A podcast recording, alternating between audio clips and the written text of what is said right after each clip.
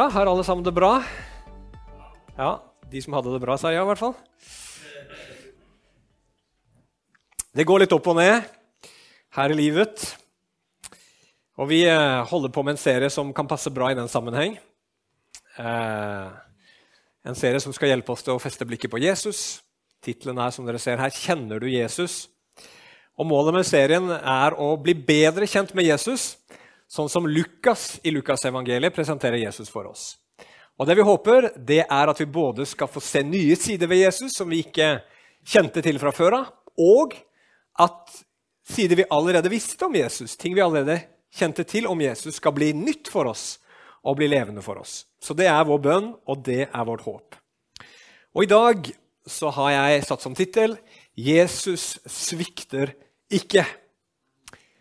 Og Vi skal se på hvordan Jesus han står i prøvelser og fristelser. Og så skal vi se litt på hvorfor vi faller, og hvordan Jesus kan hjelpe oss til å bli stående. Så har du med deg Bibelen, så kan du veldig gjerne slå opp i Lukas evangelium i kapittel 4. Så skal vi lese de første 13 versene der. Lukas 4, 1-13. Og der leser vi i Jesu navn. Fylt av Den hellige ånd vendte Jesus tilbake fra Jordan. Drevet av Ånden ble han ført omkring i ødemarken i 40 dager, og han ble fristet av djevelen. Han spiste ingenting i de dagene, og da de var gått, var han sulten. Da sa djevelen til ham, 'Er du Guds sønn, så si til denne steinen at den skal bli til brød.' Men Jesus svarte, 'Det står skrevet:" Mennesket lever ikke av brød alene. Så førte djevelen ham høyt opp og viste ham på et øyeblikk alle verdens riker og sa til ham, Jeg vil gi deg all denne makt og herlighet, for makten er gitt i min hånd, og jeg gir den til hvem jeg vil. Om du bare faller ned og tilber meg, skal alt være ditt. Men Jesus svarte ham, Det står skrevet, Herren din Gud skal du tilbe, og ham alene skal du tjene. Så tok djevelen ham med til Jerusalem, stilte ham ytterst på tempelmuren og sa, Er du Guds sønn, så kast deg ned herfra.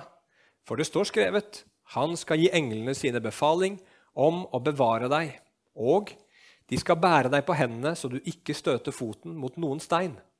Men Jesus svarte ham, Det er sagt, du skal ikke sette Herren din Gud på prøve. Da djevelen var ferdig med å friste ham på alle måter, holdt han seg borte fra ham for en tid. La oss be sammen. Kjære himmelske Far. Herre, vi har lyst til å takke deg for at du har sendt en frelser til jorda som ikke svikter. Herre, takk at Jesus sto i prøvelser og fristelser og vanskeligheter. Herre, takk at det er vidunderlig, fantastisk og bra. For det handler ikke bare om at Jesus er dyktig, men at Jesus gjør noe for oss. Og Herre, la oss i dag få se hva Jesus gjør for oss. La oss i dag få se hvordan Jesus er grunnvollen i våre liv som kan hjelpe oss, Herre, når vi blir prøvd og frista i våre hverdager, i våre liv, i våre enkelte, eller de enkelte situasjonene vi kommer opp i. Så Hellige hjelp meg til å formidle, hjelp oss alle sammen, Herre, til å virkelig ta imot ditt ord i dag og åpenbar Jesus for oss. Vi ønsker å se deg, Jesus. Vi ber om at du skal gi, vårt hjertes øye lys i dag, så vi får se noe nytt, eller se noe på nytt, Herre. I Jesu navn vi ber. Amen. Ok, så dette her er en historie som kanskje mange har hørt før, om da Jesus ble frista i ørkenen. Den fins i to av evangeliene. Den fins hos Matteus, og den fins her i Lukas. Og som vi skal få se, så, så, er det litt forskjell på de to historiene. Eh, denne historien her begynner rett etter at Jesus har blitt døpt i Jordan av døperen Johannes. Og så står det ikke bare at han ble døpt, men at Den hellige ånd kom over ham. Det står at Den hellige ånd fylte ham. Og I tillegg til det så får Jesus høre en stemme fra himmelen. Dette er min sønn, den elskede. I han har jeg min glede. Og Her starter på mange måter Jesus sin tjeneste. Eh, før det så har vi ingen eh, fortellinger i Bibelen om at Jesus gjorde noen som helst mirakel. Men det er etter det at han begynner tjenesten sin i Den hellige ånds kraft. Så det er liksom en pangstart. Han får en bekreftelse på at han elsker Gud, kalt av Gud. Han får Den hellige ånds kraft. Og så begynner Den hellige ånd å lede han. Og hvor er det Gud ved Den hellige ånd leder Jesus etter denne pangstarten? Jo, han blir leda ut i ødemarken, ut i ørkenen. Og hva slags fantastiske ting er det Gud har for Jesus i ødemarken? Jo, der skal han fristes eller prøves av djevelen i 40 dager. Hvorfor i all verden kunne ikke han bare reist rett ut? Gjort det han gjorde, gjøre masse tegn og mirakler? Hvorfor måtte han gå gjennom det her? Hva var vitsen med det hele? Og Før vi skal svare på det spørsmålet, så skal vi si litt om hva ordet 'fristelse' betyr i Bibelen. Eh, det er nemlig sånn at eh, dette ordet her oversetter et gresk ord som i Bibelen oversettes med to forskjellige norske ord. Noen ganger så brukes ordet 'fristelse', eh, og andre ganger så brukes ordet 'prøvelse'. Så hvis du ser at det står 'fristelse' eller 'prøvelse' et eller annet sted i Bibelen, så er det det samme greske ordet som blir brukt i den originale teksten av Bibelen. Og fristelse det tror jeg de fleste vet hva er for noe. Det er lov å la seg friste, sa Minde sjokolade for mange mange år siden. Eh, det er jo ikke det. For det å la seg friste, det er jo ikke sant at man vet at man har lyst til å gjøre noe som man egentlig ikke har lov til å gjøre, som ikke er rett. ikke sant? Og prøvelse, derimot, i bibelsk sammenheng, det handler om at troen vår blir prøvd gjennom å møte vanskeligheter og gjennom å møte smerte. Og Det kan jo høres ut som veldig forskjellige ting. altså Hvordan kan dette her komme fra samme ord? Men hvis du tenker litt på det, så er det mye av det samme i både fristelse og prøvelse. For når du blir frista, så er det jo samtidig en prøvelse, en prøve på din og min trofasthet mot Gud. Og når vi blir prøvd, når livet blir vanskelig, så fins det jo også der en fristelse til å på en eller annen måte kompromisse eller vende seg bort fra Gud eller et eller annet sånt. Så vi blir frista og prøvd veldig ofte samtidig. Skal vi se Og I Jesus sitt liv så var ikke dette her noe som Jesus bare møtte denne ene gangen, men som vi ser på slutten av det vi leste, så, så, så står det at djevelen holdt seg borte fra ham for en tid. Men så kommer han tilbake igjen, og stadig gjennom Jesus sitt liv så blir han frista, og han blir prøvd helt til den siste prøvelsen i Getsemane, hvor Jesus får valget mellom den enkle, smerteløse veien og si nei til det begeret som Gud gir ham, tilbyr ham med all vår synd og forbannelse og elendighet, eller å drikke av dette begeret og gå til korset og bære vår synd og frelse alle mennesker. Så Det som er viktig å få med seg når du leser Bibelen, det er at Jesus han er virkelig prøvd i alt. Altså Uansett hva du går gjennom av vanskelige fristelser eller krevende prøvelser, så kan du vite at Jesus har allerede vært der. Jesus har allerede gått gjennom det. Og det gjør at Jesus vet hva, hva det handler om.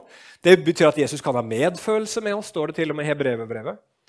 Så Jesus han har blitt frista, han har blitt prøvd, og Jesus som vi ser her, han, han sto gjennom prøvelsen.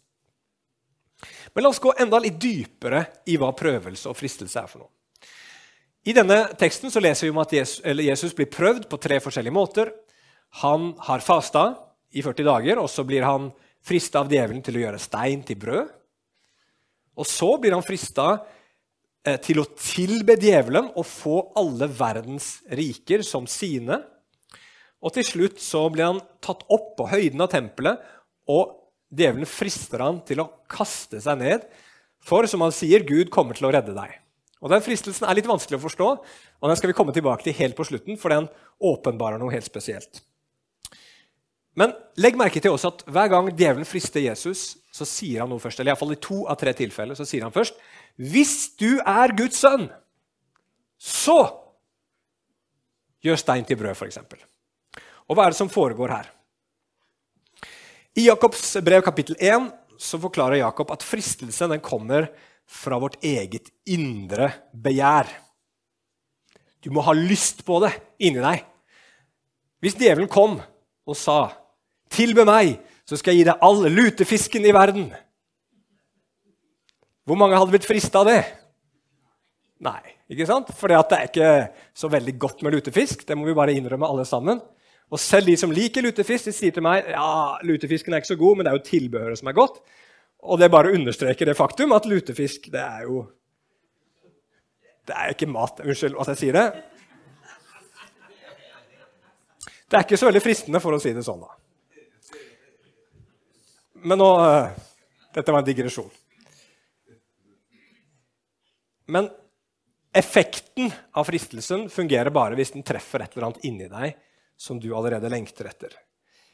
Hvis det, er, hvis det er noe du tenker at dette her er noe bra, og dette her er noe jeg trenger akkurat nå, da blir fristelsen straks mye, mye større.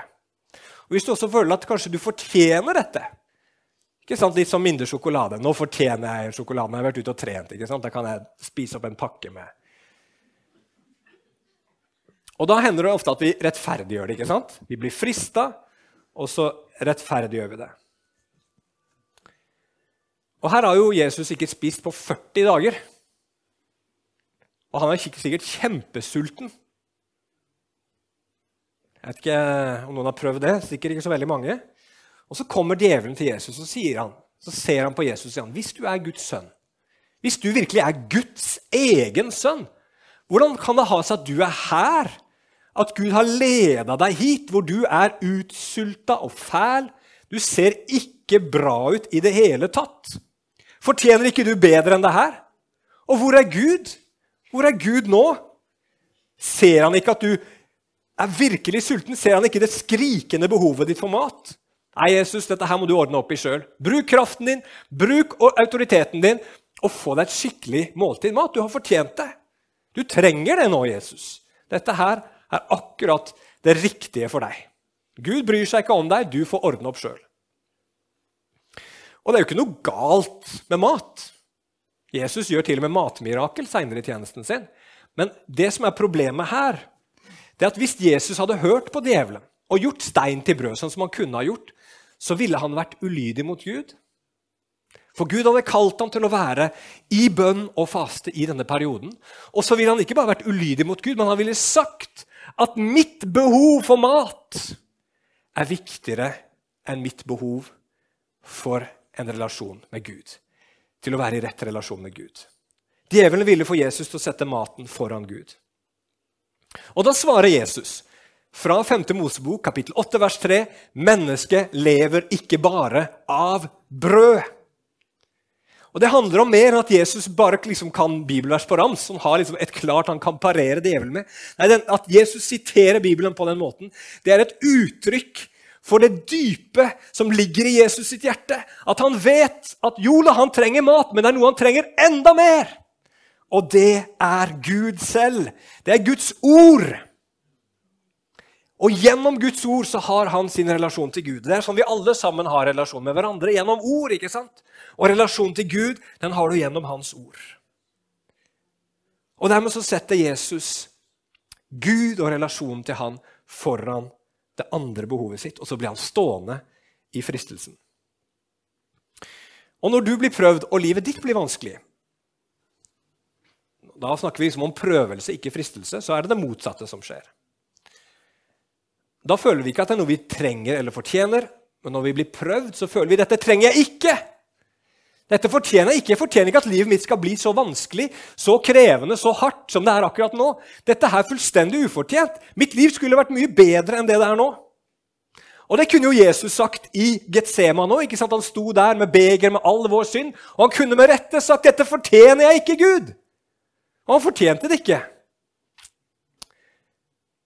Men i stedet så sa Jesus, 'La din vilje skje'. For at inni Jesus så fantes det en dyp, dyp overbevisning om at Guds vilje var god. At det Gud ville for hans liv, det var det beste for ham. Og Derfor så overga han seg fullt og helt til Gud. Så når Jesus blir prøvd og frista, så er det en overbevisning om at Gud er god, som bærer han gjennom det. Og hva er egentlig poenget med disse prøvelsene og fristelsene? Hvorfor er det sånn at vi ser i Bibelen at det står at troen vår skal bli prøvd. Altså Hvis Jesus ble prøvd og frista, han som var fullkommen, hvor mye mer kommer ikke du og jeg da til å bli prøvd og frista? Men hva er poenget? Jo, Poenget er akkurat det samme som på en eksamen. Og det vet jeg at det er mange som liker. Alle gleder seg til eksamen. Hva er poenget med en eksamen? Jo, eksamen handler jo om at man forsøker i en skoleklasse å lære elevene et eller annet. Eller studentene. Og så ser du ikke om de har lært det eller ikke. Du kan ikke se hva som er på innsiden av dem ved bare kikke på dem. Hvem smiler penest, liksom? Det må være den som sikkert har forstått mest. Nei, Du må få prøvd dem, du må få testa dem, du må få se hva som er på innsiden. Derfor så har man en prøve, en eksamen. Og da, under press, når de får disse oppgavene, tidsbegrensning og alt mulig, så må de prøve å få ut det de har på innsiden. Og så kommer det fram hva i all verden som var der inne i utgangspunktet. Og Sånn gjør vi med veldig mange andre ting også. En bil vet du at er kollisjonssikker. Ikke bare fordi de har liksom bygd den sånn, men fordi de har testa og sett om det de har bygd, faktisk fungerer. Så kjører de sånne kollisjonstester. De tester om den faktisk holder, de tester hva som er på innsiden. Og det er hele poenget med prøvelser og tester. Og Jesus, når han blir testa, så kommer det som er på innsiden ut. Og det som er på innsiden av Jesus, det er en som fullt og helt stoler på sin far i himmelen. Så står det noe litt rart i hebreerbrevet. Det står at Jesus lærte lydighet av det han led. Og Hvordan trengte Jesus å lære lydighet? Var ikke han lydig? Og Det handler ikke om at han ikke var lydig, og så ble han lydig, men det handler om at lydigheten hans gikk fra å være teori til å bli praksis. Jesus viste seg å være hel ved helt igjennom. En bro kan være bygga helt riktig, og i teorien så skal den holde. Og så kjører du den semitraileren over, og da ser du at det faktisk funker. Og Sånn var det med Jesus òg. Det viste seg der at han var hel ved. Han lærte seg hva det kosta å lyde Gud, og han fikk erfare også velsignelsen av det. Og det, det sto, det, Jesus framsto klart og helt som et menneske som var sant og hellig, som ikke svikta. Det som var på innsiden av Jesus, det holdt.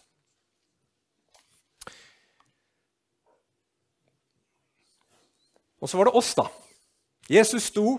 Hvordan går det med oss når vi møter prøvelser og fristelser? Man kan liksom spørre seg spørsmålet, Hvorfor forteller Lukas denne historien til oss? Er det for å vise Jesus som en modell? Altså, Her er hvordan Jesus møtte fristelser. Så hvis du gjør sånn som Jesus gjorde, så kommer det til å gå bra med deg også. Og Svaret på det er vel både ja og nei. Ja, Jesus er et eksempel, og vi skal komme tilbake til det. Men vi trenger mer enn et eksempel. For det er jo ikke sånn når du kommer i fristelse og prøvelse at du ikke vet hva du egentlig burde ha gjort. Og gjerne etterpå så vet vi i hvert fall hva vi burde ha gjort. Så problemet er ikke at vi ikke vet. Problemet er at vi ikke klarer. Vi trenger noe mer, og det gir Jesus oss. Men la oss først kikke litt på denne historien her for å forklare hvorfor vi faller. For denne historien her, den peker på en helt annen historie i Bibelen. En annen historie om et folk som også var i ørkenen. De var ikke der i 40 dager, men de var der i 40 år. Og det er israelsfolket. Og til forskjell fra Jesus, som sto i prøvelsen i ørkenen, så falt israelsfolket. Har du lest i Det gamle testamentet om israelsfolket gjennom ørkenen, så er det et studie av hvordan mennesket fungerer.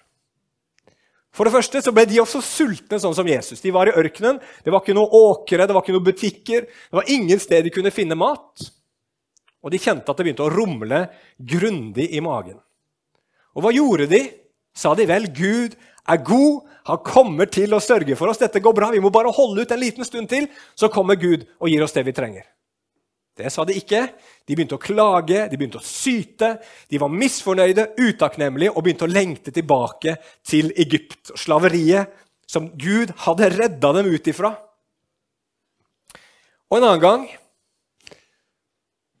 så eh, kaster de seg ned og tilber en gullkalv.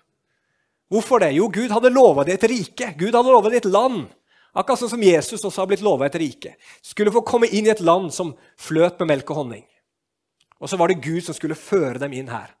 Men så forsvinner Moses i en periode opp på et fjell.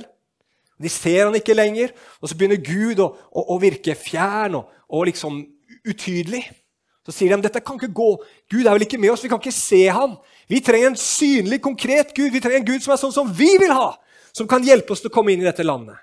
Så lager de en statue av gull, og så kaster de seg ned. Og så begynner de å tilbe den for å komme inn i landet. Og så faller de der også. Og I tillegg til det kan vi lese helt i slutten av historien om israelsfolket at de står ved grensen til dette lovede landet.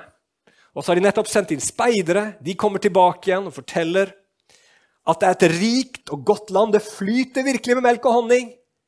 Men det er et problem. For menneskene som bor i landet, de bor i store, befesta byer med høye murer. Og de er kjempesvære, og vi er bitte små. Og så står det at da begynte hele Israelsfolket å gråte. Dette kommer aldri til å gå bra. Vi kommer til å tape, vi kommer til å dø! Alle sammen. Og barna våre kommer til å dø òg. Hvor i all verden kan Gud være god hvis han fører oss hit, og vi står overfor denne enorme prøvelsen? Så vendte de Gud ryggen, og så lengta de igjen tilbake til Egypt. Så de sto ikke. De falt igjen og igjen og igjen. Og hvorfor skjedde det? Jo, for at i disse prøvelsene, i disse fristelsene, så kom det som var på innsiden av israelsfolket, til overflaten. Det ble åpenbart hvem de egentlig var. Og du vet ikke hvem du er før du står i en prøvelse eller en fristelse. Vi kan ha så høyt, høye tanker om oss selv. Vi, liksom, vi ser andre mennesker sliter, andre mennesker har det vanskelig. Andre mennesker liksom faller i en eller annen situasjon. Så tenker vi, Hadde det vært meg, så hadde jammen ikke jeg gjort det der. Men du vet ikke hvem du egentlig er før du står i den situasjonen. For da blir du skvisa som en appelsin. Og da får vi se hva som er på innsiden. Og Israelsfolket, når de ble skvisa, så ser vi at det som kom opp, var ikke tillit til en god og allmektig Gud, men det var tillit til seg selv og sin egen dømmekraft. Det var egoisme, det var selvmedlidenhet, og det var til og med mistenksomhet overfor Gud som kom til overflaten. Og Dette her er jo bare et ekko fra Edens hage. ikke sant? Da mennesket falt i begynnelsen, så kommer djevelen og sier han, nei, nei, nei, nei, nei. Det der treet der som dere ikke får lov til å spise av Vet du hvorfor Gud sier at dere ikke får lov til å spise av det? Det er ikke fordi han er god han vil beskytte dere. Nei, det er fordi han er sjalu og redd for at dere skal spise av denne frukten og bli som han. Gud er ikke god, han holder noe godt ifra dere. Og så skapes det en mistenksomhet over Guds godhet som gjør at mennesket faller. Og Sånn er det med våre liv også. Når du leser Det gamle testamentet, så kjenner du deg igjen i de menneskene som er der. For vi er akkurat sånn som de. Hvordan er det med deg når du blir frista? Jeg vil anta at alle sammen inne her vet hva jeg snakker om. Alle vet hva en fristelse er for noe. Det er ikke noe ukjent for oss. Og, og, og, da kan vi kjenne på at vi begynner å få lyst til å gi etter for fristelsen. ikke sant? Og det som skjer inni oss, er at vi begynner å, vi begynner å resonnere. Ja, 'Det er ikke så farlig', kanskje vi sier. Eller, 'Alle andre gjør det sikkert også'. Eller 'bare denne ene gangen', og så kan jeg be om tilgivelse etterpå. Eller 'men jeg trenger virkelig dette nå'. Det er ingen som forstår 'jeg må ha dette akkurat nå'. Gud forstår i hvert fall ikke. Han forstår ikke hva jeg faktisk trenger. Og så gir vi etter. Og hva skjer når vi gir etter for fristelsene? Jo, som en sa en gang, det er litt som å tisse i buksa. Det er godt og varmt å begynne med, og så Så er det ikke så veldig behagelig etter en stund. Etter den søte kløe kommer den sure svie. ikke sant? Djevelen kommer med et agn som ser attraktivt og, og, og, og flott ut, men bak det så skjuler det seg en krok. Når vi biter på, så gir det alltid negative konsekvenser. Tap av tillit det kan ødelegge relasjoner. Vi kjenner på skam, vi kjenner på skyld. Vi kan ødelegge andre menneskers liv, vi kan ødelegge familier gjennom det. Og så mye av menneskets smerte det kommer fra at vi ikke klarer å stå imot disse fristelsene. Så mye av ondskapen i verden kommer nettopp derfra. Og det som også skjer, er jo det at vi blir avslørt for hvem vi faktisk er. Hva som egentlig er inni hjertene våre. Vi stoler ikke på Gud. Vi stoler på oss selv og tror at vi vet bedre enn han. Og Mye av det samme skjer også når livet blir tøft og vanskelig for oss. ikke sant? Hva, hva skjer når presset kommer over deg? Når du kjenner at nå er det tøft, nå er det vanskelig? Reagerer du med sinne? Det er noen som gjør. Blir du bitter? Hvis andre har ødelagt for deg, prøver du å ødelegge tilbake igjen for dem? Hvis det blir tøft å være en kristen, begynner du å kompromisse for å gjøre det enklere for deg selv? Søker du lindring i synd? Begynner du å prøve å kontrollere livet ditt, kontrollere menneskene rundt deg? For å liksom døyve smerten, for å gjøre risikoen mindre? I prøvelsene så blir vi satt under press, og så kommer det opp masse elendighet fra livene våre. Iallfall har jeg opplevd det et par-tre ganger. Og da, og da, kommer det opp igjen at vi er egoister. Og da kommer det opp igjen at vi ikke stoler på at Gud er god. Hvis Gud hadde vært god, så hadde ikke jeg vært i denne situasjonen her. Hvis Gud var en god, allmektig Gud, så hadde det ikke blitt så tøft og så vanskelig. Og så får vi masse negative konsekvenser òg? Relasjoner blir enda vanskeligere pga. sinnet vårt eller på reaksjonene våre. Smerten blir bare større, blir ikke noe bedre. Bitterheten blir bitrere, og tomheten blir bare mer akutt. Men det Bibelen forteller, er at det er ikke bare sånn at når det som er på innsiden av oss, kommer fram, så blir det mye elendighet her på jorda, i, i relasjoner og i verden generelt. Men konsekvensen er mye mer alvorlig enn som så. For Israelsfolket som hadde gått 40 år gjennom ørkenen, eller som var i ørkenen, så var straffen for at de ikke stolte på Gud Konsekvensen for det var at døra inn til det lovede land ble lukka. Og de måtte gå rundt i ørkenen i 40 år til de døde. Og så var det barna deres som fikk lov til å komme inn i landet. Og det er jo et bilde på noe som er enda mer alvorlig. Det lovede land er jo et bilde på evigheten sammen med Gud. Og Bibelen er soleklar på det at vi har alle sammen synda. Og fordi vi har synda, så har vi ingen mulighet, ingen rett, til å komme inn i Guds rike. Vi har ingen rett til å være sammen med Gud. Vi blir fratatt Guds herlighet. Og Mange av Jesus sine lignelser de handler om mennesker som står for døra og banker. De vil inn. Inn til gjestebudet, inn til bryllupsfesten. Men døra er stengt. De kommer ikke inn. Og det er alvoret i det her. Alvoret i prøvelsene og fristelsene er at det bare åpenbares hvem vi er. Og hvem er vi? Jo, vi er mennesker som er fullstendig uverdige til å få lov til å være sammen med en hellig og god og ren og kjærlig Gud i all evighet. Og vi er fullstendig uskikka til det også. For om han hadde tatt oss inn allikevel, så hadde vi ødelagt hans rike. Så hadde vi ødelagt den evigheten. Så hadde den blitt full av sjalusi og bitterhet og ondskap og løgn og all slags mulig elendighet som vi drar med oss på grunn av det som bor i våre hjerter. Guds kommende rike er et godt rike. Og Derfor så må alt som er urent, alt som er galt, alt som er syndig, holdes utenfor. Og fordi at vi blir avslørt som syndere, så er vi ekskludert. Det er alvoret i Bibelen. Så alvorlig er det, fordi at Gud er den han er. Han kan ikke ha fellesskap med synd. Han kan ikke i sin natur, og han kan bare gi oss en sann himmel der hvor han er. Og Dermed så handler det ikke om Gud vil eller ikke. Gud kan bare ikke. Det er umulig. Det er umulig for Gud å gi oss en himmel uten seg selv. Og når vi er de vi er, så kan vi ikke få Gud og ha fellesskap med Han. Så fins det da noe håp for oss. Og det er vel derfor vi er her i dag morges, fordi vi tror det fins håp. Men det fins håp en helt annen plass enn i meg selv og min egen evne til å stå i fristelsen. Og Dette bringer oss til den aller siste fristelsen i Lukas evangeliet. Den fristelsen den er spesiell fordi at den står helt sist hos Lukas, mens hos Matteus er det fristelse nummer to. Så Lukas han plasserer den helt til sist, muligens, eller om det er Matteus som bytter om. jeg vet ikke. Men i hvert fall så plasserer han den sist. Antageligvis fordi han vil si oss noe spesielt gjennom den fristelsen. Og I den fristelsen så blir Jesus tatt med opp på toppen av tempelet. Og så sier djevelen noe som er litt rart. Kast deg utfor her. For Gud har jo sagt i Salme 91 at han kommer til å beskytte deg. Han kommer til å sende sine engler, og de kommer til å bevare deg så du ikke støter foten din mot noen stein. Og det er jo fint at Gud har lov til å beskytte Jesus fra uhell og ulykker, og sånn, men hvorfor i all verden er det en fristelse å kaste seg utfor? Hva i all verden er det? Altså, Hvem står på, står på eh, prekestolen liksom veldig frista til å hoppe utfor?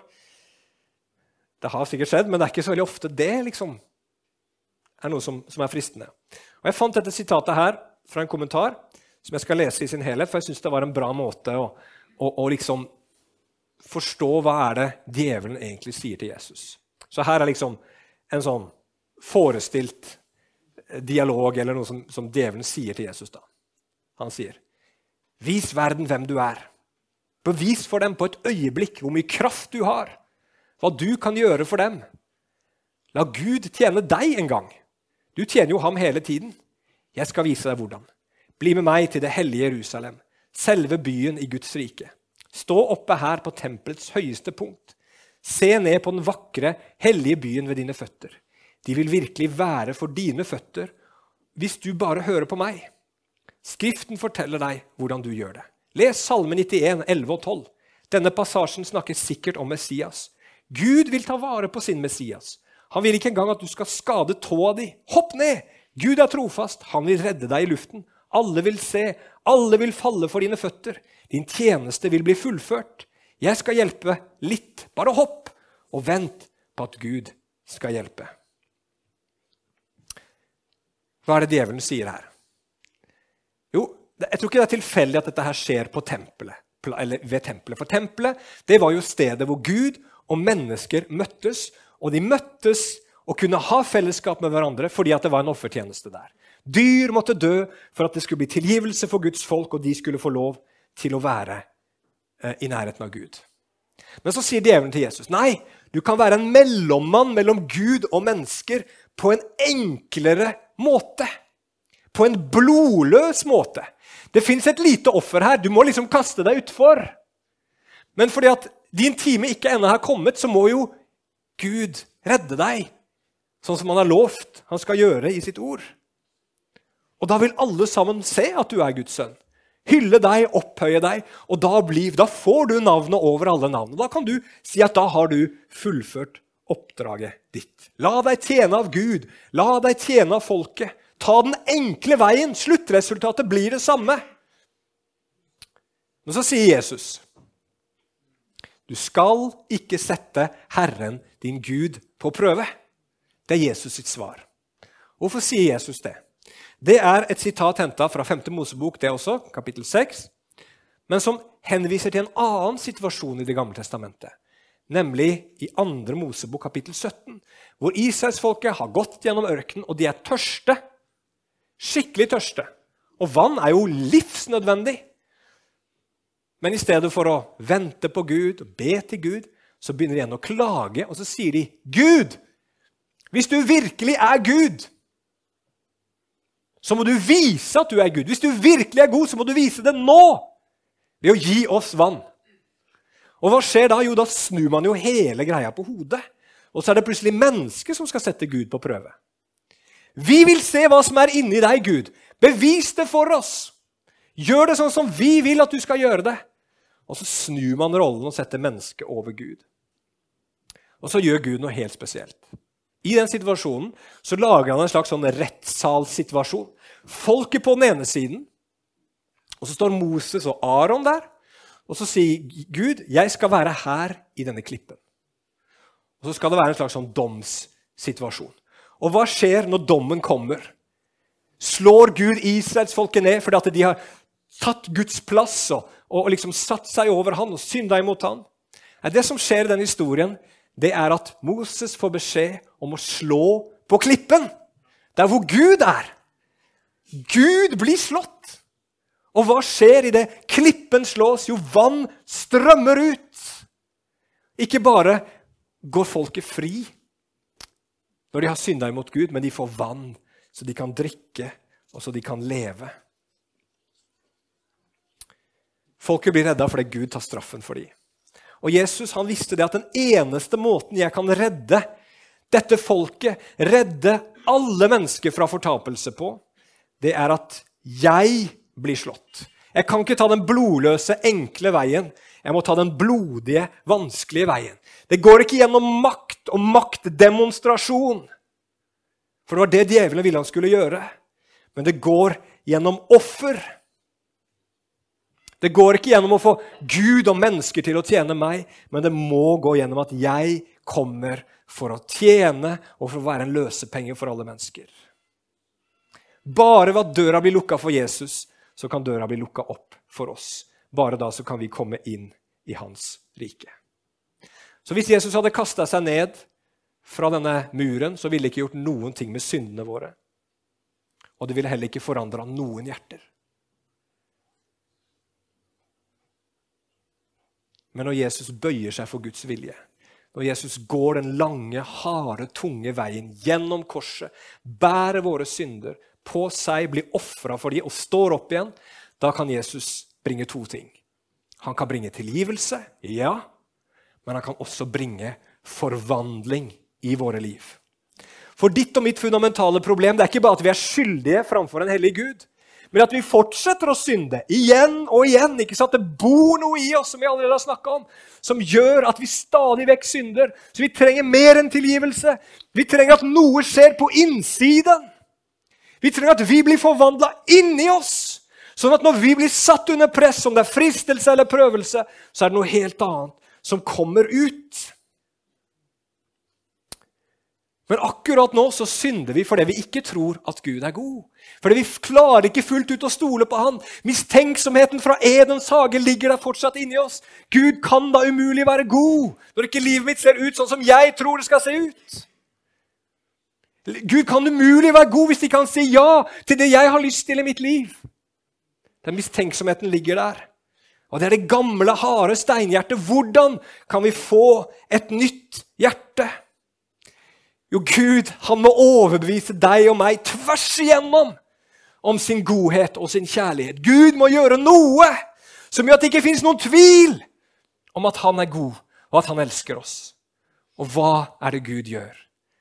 Jo, det Gud gjør, er at Jesus dør for oss på korset for å ta bort absolutt alle synder. Han går gjennom det vanskeligste, det hardeste, det, det, det mest krevende som fins. Han gjør så mye han kan gjøre for å vise deg og for å vise meg at vi er elska, og at han er god.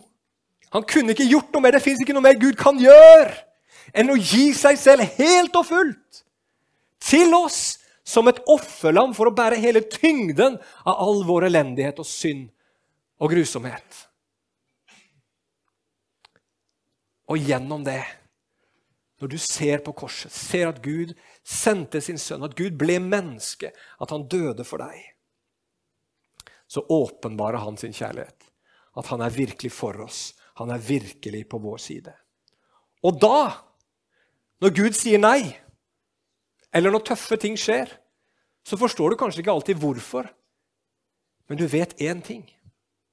Det er i hvert fall ikke fordi Gud ikke elsker meg. Det er i hvert fall ikke fordi Gud ikke er god. Det er i hvert fall ikke fordi Gud ikke bryr seg. For det har han allerede bevist for meg. Det har han allerede overbevist meg om. Og det er det vi trenger. Det er det alle mennesker trenger, å se Jesus. Åpenbaringen av Guds kjærlighet som renser oss fra all synd. Og det trenger vi Den hellige ånd til. Når du sier ja til Jesus, så kommer Den hellige ånd inn. Og så gjør han det levende for oss. De gode nyhetene er at Jesus han sto gjennom prøvelsen. Han sto for å gi deg sitt fullkomne liv.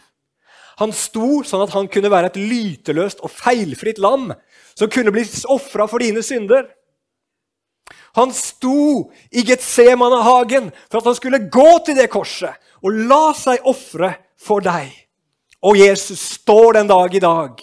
Hans verk står fortsatt. Og du vet når Stefanus ble steina, så står det at han så inn i himmelen når Jesus han sto.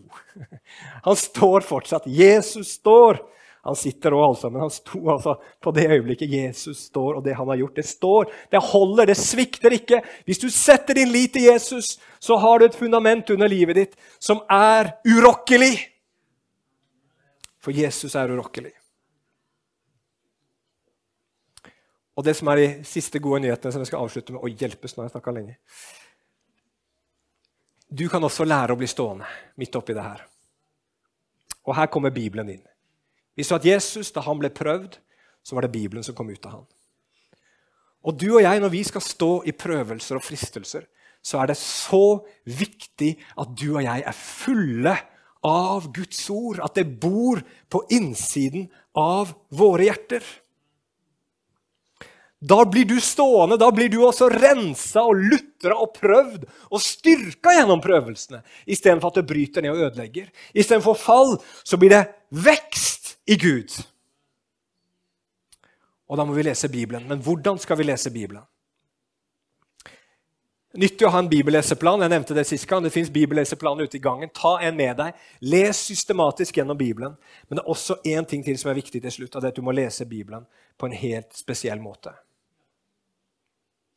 Og den måten lærte Jesus disiplene sine rett etter at han hadde stått opp fra de døde, disse Emmaus-vandrerne. Og Det står der i vers 27, når han begynner å snakke til dem om Jesus. Han måtte, eller Messias måtte dø, og så skulle han stå opp igjen. Og så står det i vers 27, og han begynte å utlegge for dem det som står om ham i alle skriftene, helt fra Moses av og hos alle profetene. Hva er det Jesus sier her? Jo, du må ikke bare lese Guds ord, du må ikke bare lese Bibelen, men du må se Jesus i ordet. For det er han Skriften handler om. Det er han Bibelen handler om. Hele Bibelen handler om Jesus, den han er, og det han har gjort. Og da blir Bibelen mer enn bare lov. Det fins bud og regler, ja, og de er gode, og de er rette, og de er sanne. Men Bibelen er ikke bare bud, det er evangelium. Vi klarer ikke å leve fullt ut etter budene, men evangeliet kommer og redder oss. Bader oss i Guds kjærlighet og nåde, renser oss og gjør oss himmelen verdige.